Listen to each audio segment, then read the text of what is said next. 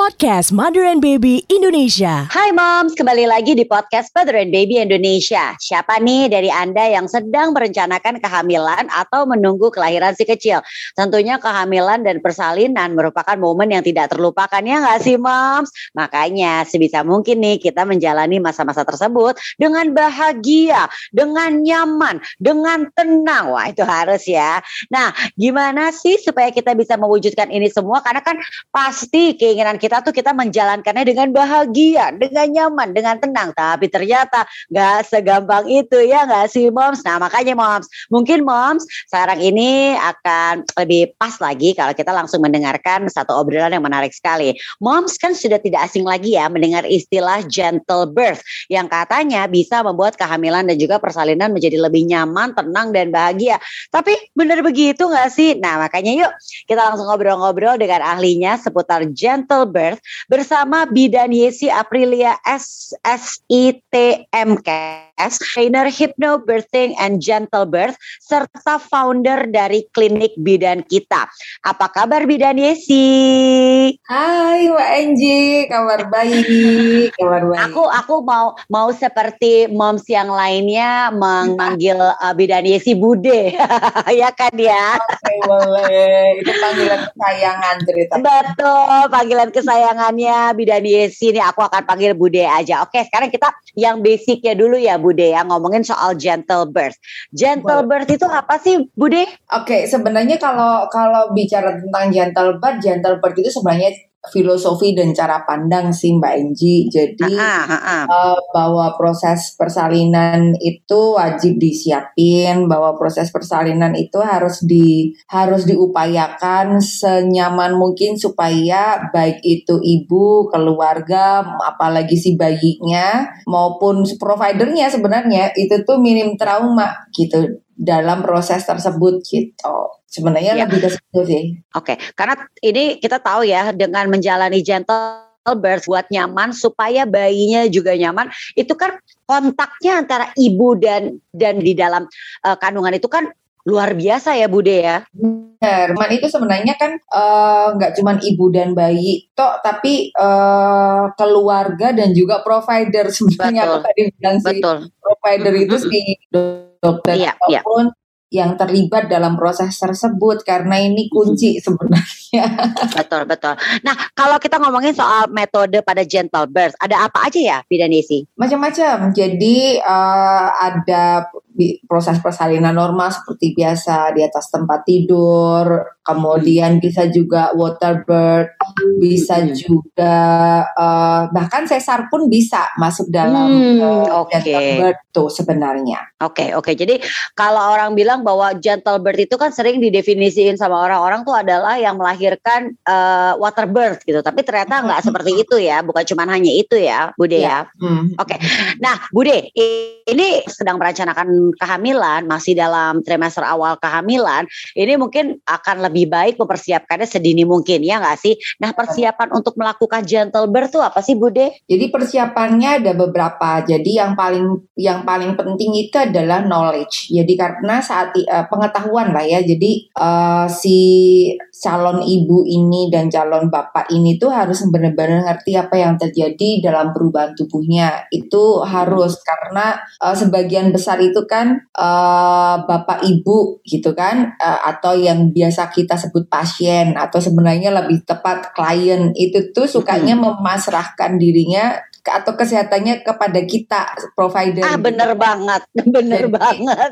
hamil hamil aja gitu loh Mbak Enji. Mm-hmm. Yang penting aku udah nikah kawin, udah hamil mau hamil kapan? Yang penting pergi ke bidan, pergi ke dokter. Kalau udah dikasih dikasih obat, udah ayem gitu, udah dikasih vitamin, mm-hmm. udah oke okay lah gitu kan. Manut apa aja. Manut gitu. wae gitu ya.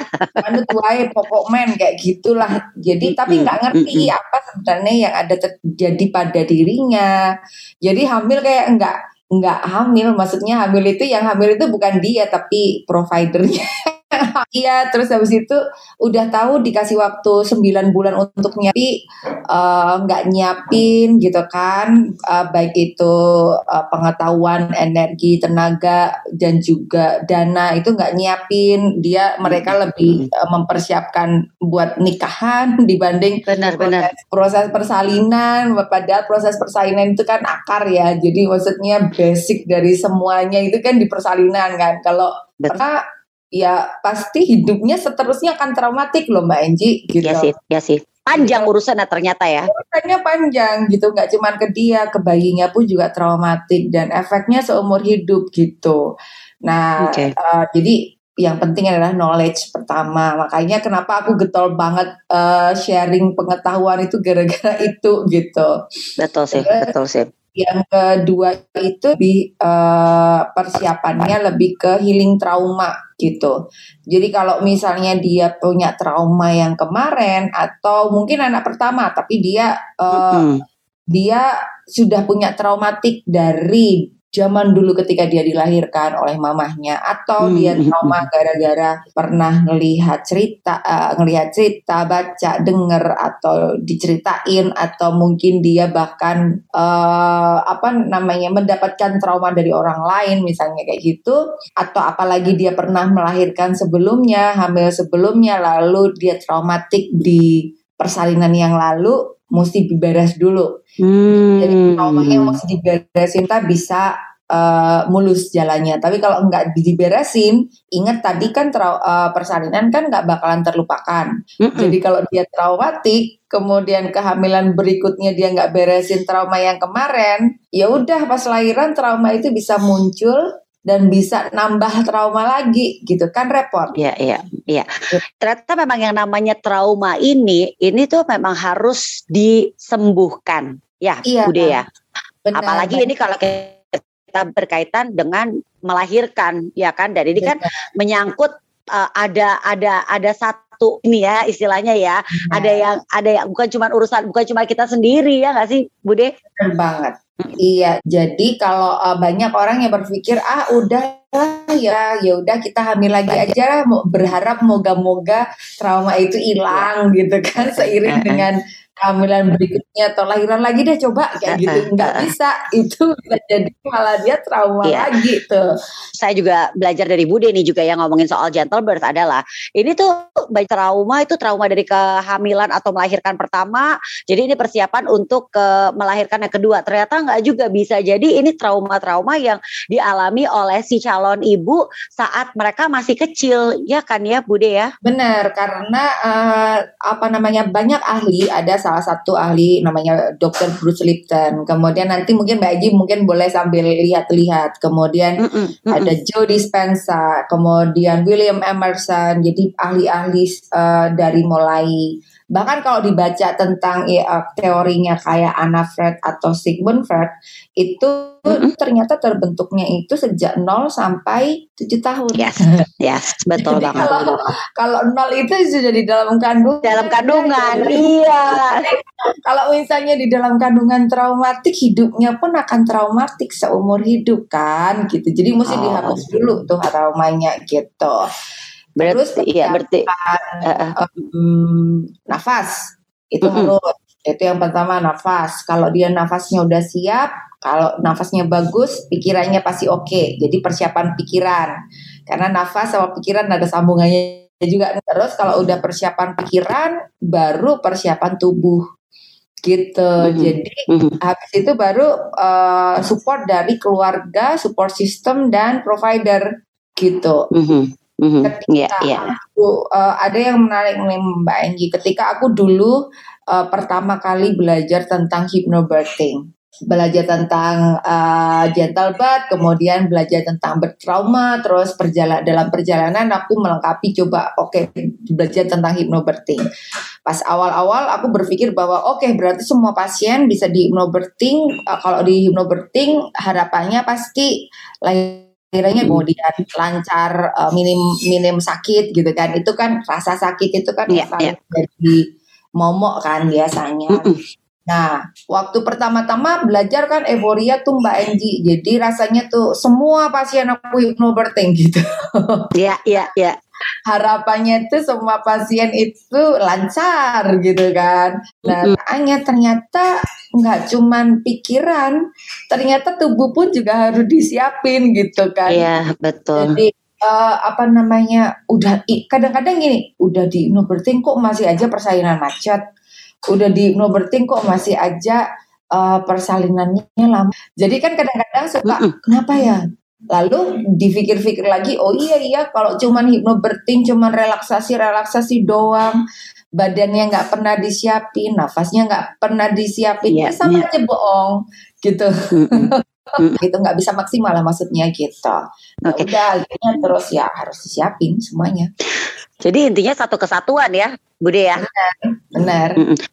Nah mungkin sekarang banyak lagi manfaat dari gentle birth itu apa? Membuat kita melahirkan lebih bisa tenang, bahagia dan bebas rasa sakit atau apa nih, Bude?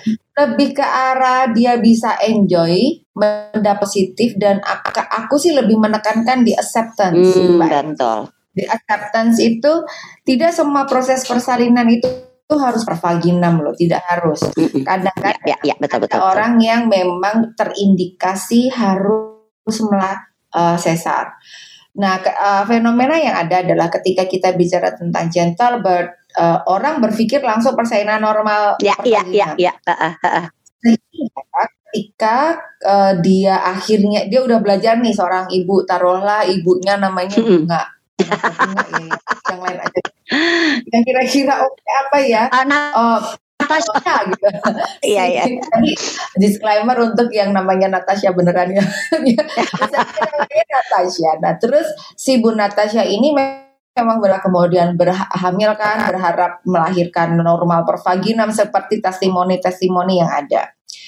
Nah, hal misalnya karena uh, ada kasus dalam tubuhnya, misalnya dia ternyata tensinya tinggi atau uh, dia mengalami tanda-tanda preeklamsia, tensinya tinggi, uh, protein urin positif, udem, udem gitu kan, yang mana terlalu beresiko untuk masuk ke persalinan norma pervaginam, akhirnya ketika dia belajar yoga, kemudian dia belajar hypnobirthing untuk mempersiapkan belajar nafas, eh ending-endingnya dia akhirnya harus sesar mau nggak mau. Terus akhirnya terus yeah, ya, merasa, yeah. ya gue gagal lo kan. Ya iya deh gitu. Jadi endingnya akhirnya ini uh, suka banding-bandingin namanya dunia mamah tuh mbak. Iya iya. dunia emak-emak Mbak Egi pasti pernah ngalamin hmm, kan banget uh, adanya uh.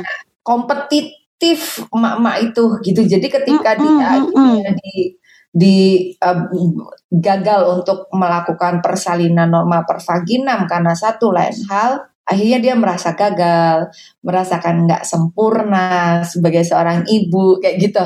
Betul. Kan oke okay, gitu kan. Akhirnya kecewa gitu kan. Akhirnya menyalahkan -hmm orang lain. Yang paling parah akhirnya dia menyalahkan diri sendiri gitu. Nggak fair dong gitu kan. Ya ya ya ya. Kalau gentle bird itu lebih ke arah lo mau melahirkan uh, apa namanya tetapi harus atas indikasi yang jelas mm -mm. bukan indikasi yang dibuat-buat atau indikasi yang terjadi karena ketidaktahuan lo gitu kan Mm -mm. Ada macam-macam tuh sesarto. Jadi ada yang karena memang harus itu memang contoh plasenta previa kan nggak mungkin di Iya, iya, betul. Secara norma pervaginam dong, gitu kan. Iya. Uh, tapi uh, apa namanya indikasinya harus memang benar-benar jelas gitu. Kamu siapin benar-benar gitu kan. Nah, bukan indikasi yang gara-gara ketidaktahuanmu banyak kan tidak kan? Yeah, karena yeah, yeah. tahu. Kemudian atau karena excuses gitu. Negosis kemudian terus akhirnya kamu sesar gitu kan. Mm-hmm. jadi karena sesar itu kan persalinan yang operasi besar betul. resikonya jauh lebih banyak baik bagi ibu maupun bagi bayi gitu. Kita benar-benar harus sudah lebih ekstra loh siapinnya gitu. Iya yeah, iya. Yeah. karena pasti trauma Nah, tinggal kita minimkan traumanya itu ya. ketika teman-teman atau ibu-ibu hamil itu udah mempersiapkan segala sesuatunya dengan baik. Harapannya, even kita ternyata harus operasi sesar, kita siap, tapi kita accept. Lalu proses penyembuhannya jadi lebih cepat. Iya, iya, iya, iya. ya. Kemudian acceptance-nya traumanya jadi lebih sedikit sekali. Ada trauma pasti, tapi dikit. Maksudnya lebih dan kita healingnya lebih Mm. baik itu fisik maupun psikologis baik bagi ibunya, keluarga maupun bayinya Mm-mm. kayak gitu. Itu gentle birth. Jadi bukan berarti gentle birth itu anti Ya, ya, ya. sesar, anti in- inter itu Mbak Ya. Ya ngebayang sih kan kadang-kadang kalau kita melihat ya eh, ibu-ibu yang habis melahirkan sesar ada yang besoknya bisa langsung turun dari di tempat ke ruang bayi ada yang aduh aku nggak bisa sampai berhari-hari gitu kan ya memang kebayang sih jadi persiapan eh acceptance-nya itu memang udah harus dibangun ya ya supaya proses healingnya proses penyembuhannya setelah melakukan sesar ya apalagi eh ya kayak tadi kan juga Hmm. Budi juga sukunya bahkan lebih besar ya. Tapi kita dengan dengan gentle birth itu kita bisa lebih bisa menjalaninya dengan tenang dan mungkin berjalan juga juga lebih cepat ya. Benar gitu. Jadi kalau kalau di, di be- beberapa negara maju yang aku udah ikutin itu em, mereka di dalam gentle birth itu gentle birth in cesarean itu dia mereka lebih ke woman center gitu loh Mbak. oke Jadi iya iya seorang ibu yang memang mau melahirkan sesar itu diperlakukan sebagai pasien. Jadi kalau memang Ah, kita mau oke. lahiran kan kalau di di Indonesia kan mau lahiran gitu digeledek. Jadi kayak orang orang iya iya iya iya iya iya benar benar benar jadi iya iya iya digeledek, dibayangin aja nih ini kan podcast jadi sambil kita ngebayangin gitu kan lebih seru Iya, iya. bawa ke ruang bersalin nggak bisa ngapa-ngapain di benar awal kemudian rasanya kayak orang tapi ketika di gentle birth in cesarean itu tuh mereka bener-bener yang oke jalan kayak gitu kan ke ruang bersalin happy iya dia mau apa kayak gitu kan bahkan kalau Mbak Enggi lihat di beberapa eh, apa namanya beberapa negara mereka Mm-mm. itu si eh, ditemenin suaminya atau bahkan kadang nggak ada penutupnya Mbak Enggi oh jadi dibiarkan terbuka. Gitu ya? iya Kalau iya iya iya. ibunya pengen dan bersedia dan siap dibuka udah gitu pada saat operasi nih udah dibelek nih istilahnya ya ibaratnya gitu. Kemudian si ibu itu walaupun tidak ada rasa mengejan dia diajak untuk yuk ngejen yuk gitu. Gini caranya. Yuk gitu kan. Jadi dia seolah-olah dan ter- karena ternyata apa? Ternyata ketika dia si ibu itu ada uh, periode mengejan ada kontraksi gitu. Itu ternyata efeknya bagus untuk si bayi. Jadi ada beberapa hormon dan beberapa uh, zat khusus yang memang diproduksi pada saat proses melahirkan itu Ya, ya. jadi dilepas tuh jadi ya zat-zat tersebut Ya. ya berarti ya. Jadi ke- terus uh, si bayi itu merasakan ada dirasakan oleh bayi secara psikologis. Nah kemudian nggak ada tarikan, nggak ada yang yang wah dipecocotin, uh kayak gitu. iya iya udah ojok ojok ya Iya. kan biar baik pelan, tentu sesuai dengan situasi dan kondisi saat itu ya, gitu kan. Nah, karena kalau gentle birth in cesarean harusnya tidak dalam kondisi emergency dong, gitu kan. ya Nah, betul terus, betul Uh, kalau emergency lain cerita, emergency mah yang penting segera keluar selesai gitu kan. Tapi kalau ini kan uh, bener-bener disiapin gitu. Jadi smooth gitu. Uh, bayi baru lahir itu bener-bener yang di ngelapnya pun juga pelan gitu. Bayangin ki fresh from oven ya gitu kan di iya iya iya benar kosok kosok kosok kosok iya benar benar benar benar kasar sampai dia nangis nggak ada nggak ada jeda gitu bayinya no dia bener-bener kadang-kadang bahkan dipegang sendiri sama ibunya. Kalau ibunya pasti pakai pakai sarung tangan steril segala macam udah disiapin. Ada yang i- bayi itu dipegang sama ditarik sama ibunya sendiri. Itu di ya ya ya ya. berlaku di eh, ada di luar negeri dan ya ya ya. dilakukan oleh seorang dokter teman saya di wow. Itu. Jadi jadi Oke, dia menarik sekali nih yang kebar gitu kan disambut dengan sukacita gitu loh. Bahkan lahir langsung langsung di dinyanyiin lagu pujian atau langsung dinyanyiin doa gitu kan. Eh, Mm-mm. entah itu apa namanya kalau Hindu gaya trimantram atau si siapa si siapa kalau misalnya atau doa Bapa kami atau iya assalamualaikum iya. iya dan bapaknya juga jadi nggak ngeri. Iya betul, bener-bener terbayang terbayang. dulu mereka gitu kan. Habis itu IMD bener-bener IMD gitu. Jadi Hmm. jadi prosesnya pun dan itu tentu dengan concern dan dengan dengan concern Ya, ya, ya, belah pihak ya. Jadi benar-benar ngerti gitu. Nih kalau yang ini belum di aku aku belum tahu kalau di Indonesia sudah ada belum. Jadi kalau di London itu tuh uh, pada saat orang yang uh, seorang ibu itu kenapa dia harus uh, uh, paling oke itu melahirkan per vaginam karena ternyata Mbak Enji di Mhm. vagina ketika dia melahirkan dia itu ternyata mengeluarkan zat tertentu yang memang zat itu simpen di kafum Douglas. Kafum Douglas itu di dekat cervix Mhm. di bawah cervix itu tuh cairan itu dipakai untuk kayak nyelimuti nyemir badannya bayi dan isinya adalah mikrobiom dan stem cell. Mm-mm. Jadi ketika bayi lahir lewat kanal vagina itu tuh dia kayak dilumuri oleh antibody se- Ya, ya. antibody produksi hanya saat pas proses persalinan sehingga ini dipakai buat senjata atau persiapan si siapa namanya si bayi itu untuk menghadapi dunia ini. Hmm. gitu. Ceritanya gitu. Itu udah ada penelitiannya juga. Nah di London itu yang aku baca di beberapa negara maju yang udah melakukan uh, kemarin di Singapura sempat ada juga di Inggris gitu kan. Jadi pada saat proses uh, operasi si uh, lubang vaginanya si ibu itu dikasih tampon atau dikasih tampon Ya, ya, ya. ah, ah. nah untuk nampung itu sehingga ketika bayinya lahir lewat perutnya Ah, diolesin. si olesin semua sama si dokternya itu keren Oh. kan? Wow, wow. Wah, ini banyak dapat ilmu nih, dapat banyak pengetahuan sebenarnya ya dari dari dari Bude nih. Bude, satu pertanyaan terakhir dari aku. Oke. Apa faktor keberhasilan dari Gentle Birth ini sendiri? Kayak yang pertama yang tadi juga selalu disebut-sebut sama Bude adalah support system. Terus apa lagi nih, Bude? Sebenarnya kalau aku sih lebih ke niat dan percaya dirinya si ibu sih, karena balik lagi Hmm, sekarang itu oke. kan kondisinya ya, kebetulan kan aku kan karena pandemi ini eh, bidan kita kan punya kelas-kelas online ya Mbak Enji. Jadi dan kelas online ini kan memang akhirnya aku punya pasien di luar negeri yang orang Indonesia yang dari luar negeri. Nah terakhir kemarin itu aku dapat dari Jerman.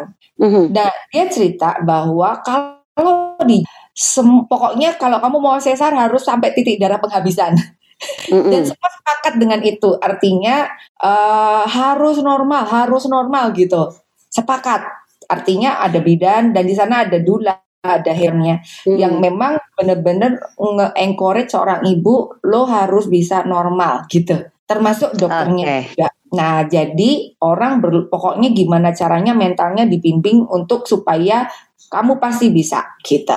Ha- uh, dia baru boleh ke uh, sama opskin kemudian atau uh, sesar kalau memang benar-benar atas indikasi yang jelas dan itu pun uh, atas rekomendasi beberapa Oke, Kalau mau oke. sesar itu ya ya ya ya ya ya. kalau di Indonesia beda. Kalau di Indonesia yang nggak sesar aja gimana caranya supaya sesar, betul nggak? Iya benar. Jadi dan yang ada adalah bukan asuhan kebidanan sayang ibu, tapi asuhan kebidanan sayang provider. Kenya- Pada Mhm. kenyataannya bukan prenatal natal care, tapi prenatal scare. Mhm. Jadi banyak ibu yang dibikin gimana caranya supaya tidak percaya diri sama tubuhnya. Nah Hmm. itu jadi PR kita gitu. Makanya eh, lebih ke arah kalau kita ke peng- ada pengetahuan, eh, kita bisa saling bahu membahu nih ya dari pihak Ya, ya. provider maupun siapa pun mau memberdayakan para perempuan ini, maka para perempuan atau para wanita ini bisa lebih percaya sama dirinya sendiri bahwa gue bisa loh, gue bisa mengupayakan loh gitu. Yuk upayakan bareng-bareng gitu. Ya. Kalau dia udah percaya diri, dia niatnya udah kuat, ya pasti alam semesta mendukung kok. Kemudian dia pasti akan ketemu, eh, dia punya pengetahuan. Eh, bukan tanpa alasan bidan kita ada di seliweran di Instagram mereka. Atau ya, ya, ya, ya. laman mereka gitu. Itu nggak bukan uh, tidak sesuatu hal yang kebetulan kan gitu kan. Termasuk kita ketemu itu juga tidak ada yang kebetulan. Betul. Ya kan? gitu. Jadi pasti ada message-nya. Tapi uh, dari situlah nanti mungkin ketika para ibu udah mulai berdaya dia akhirnya berpengetahuan jadi dia bisa lebih wise mengambil keputusan dalam kehidupannya gitu. Aku sih lebih ke arah itu sih kalau faktor-faktornya itu. Tapi tentunya udah bersedia ngobrol-ngobrol berbagi ilmu dan juga knowledge nih pengetahuan nih ya uh, untuk para moms ya di obrolan podcast Mother and Baby kali ini. Ini tentunya uh, buat moms yang mungkin juga sudah mempersiapkan diri nih mau mau uh, setelah menikah ya kan? Tadi kan setelah dibahas sama Bude juga. Sebenarnya gini persiapannya bukan cuma setelah apa menikah aja nih setelah ini nih mau mau mau, mau punya anak tuh harus ada persiapannya ya nggak sih Bude? Ya, justru betul. ini kayaknya persiapan yang yang nggak kalah penting sebenarnya. Malah malah bisa dikatakan penting banget ya untuk mm -hmm. untuk persiapan dari pasangan muda ya kan? Apalagi ini kan nanti kita akan menghadirkan manusia baru loh ke muka Benar. bumi ini ya kan jadi persiapannya harus benar-benar matang ya dan salah satunya mungkin supaya uh, si kecil nanti yang lahir juga tentunya dalam keadaan yang yang yang seperti kita harapkan ya gentle birth bisa menjadi pilihan nih karena ini adalah membuat persalinan jadi minim trauma ya nggak sih Bude betul, betul. sekali lagi terima kasih Bidari si Aprilia S S ITMKes praktik panjang ya. Terima kasih banyak Bude, praktisi dan trainer hypnobirthing dan gentle birth serta founder klinik bidan kita. Coba follow Instagramnya bidan kita ya. Terima kasih banyak. Sampai ketemu lagi Bude. Bye. Thank you for listening to podcast Mother and Baby Indonesia. Untuk info menarik lainnya, klik www.motherandbaby.co.id serta follow Instagram dan Twitter at motherbabyInd, Facebook Mother and Baby Indonesia, dan subscribe YouTube channel Mother and Baby Indonesia. Mother and Baby, the leading pregnancy, baby, and children media.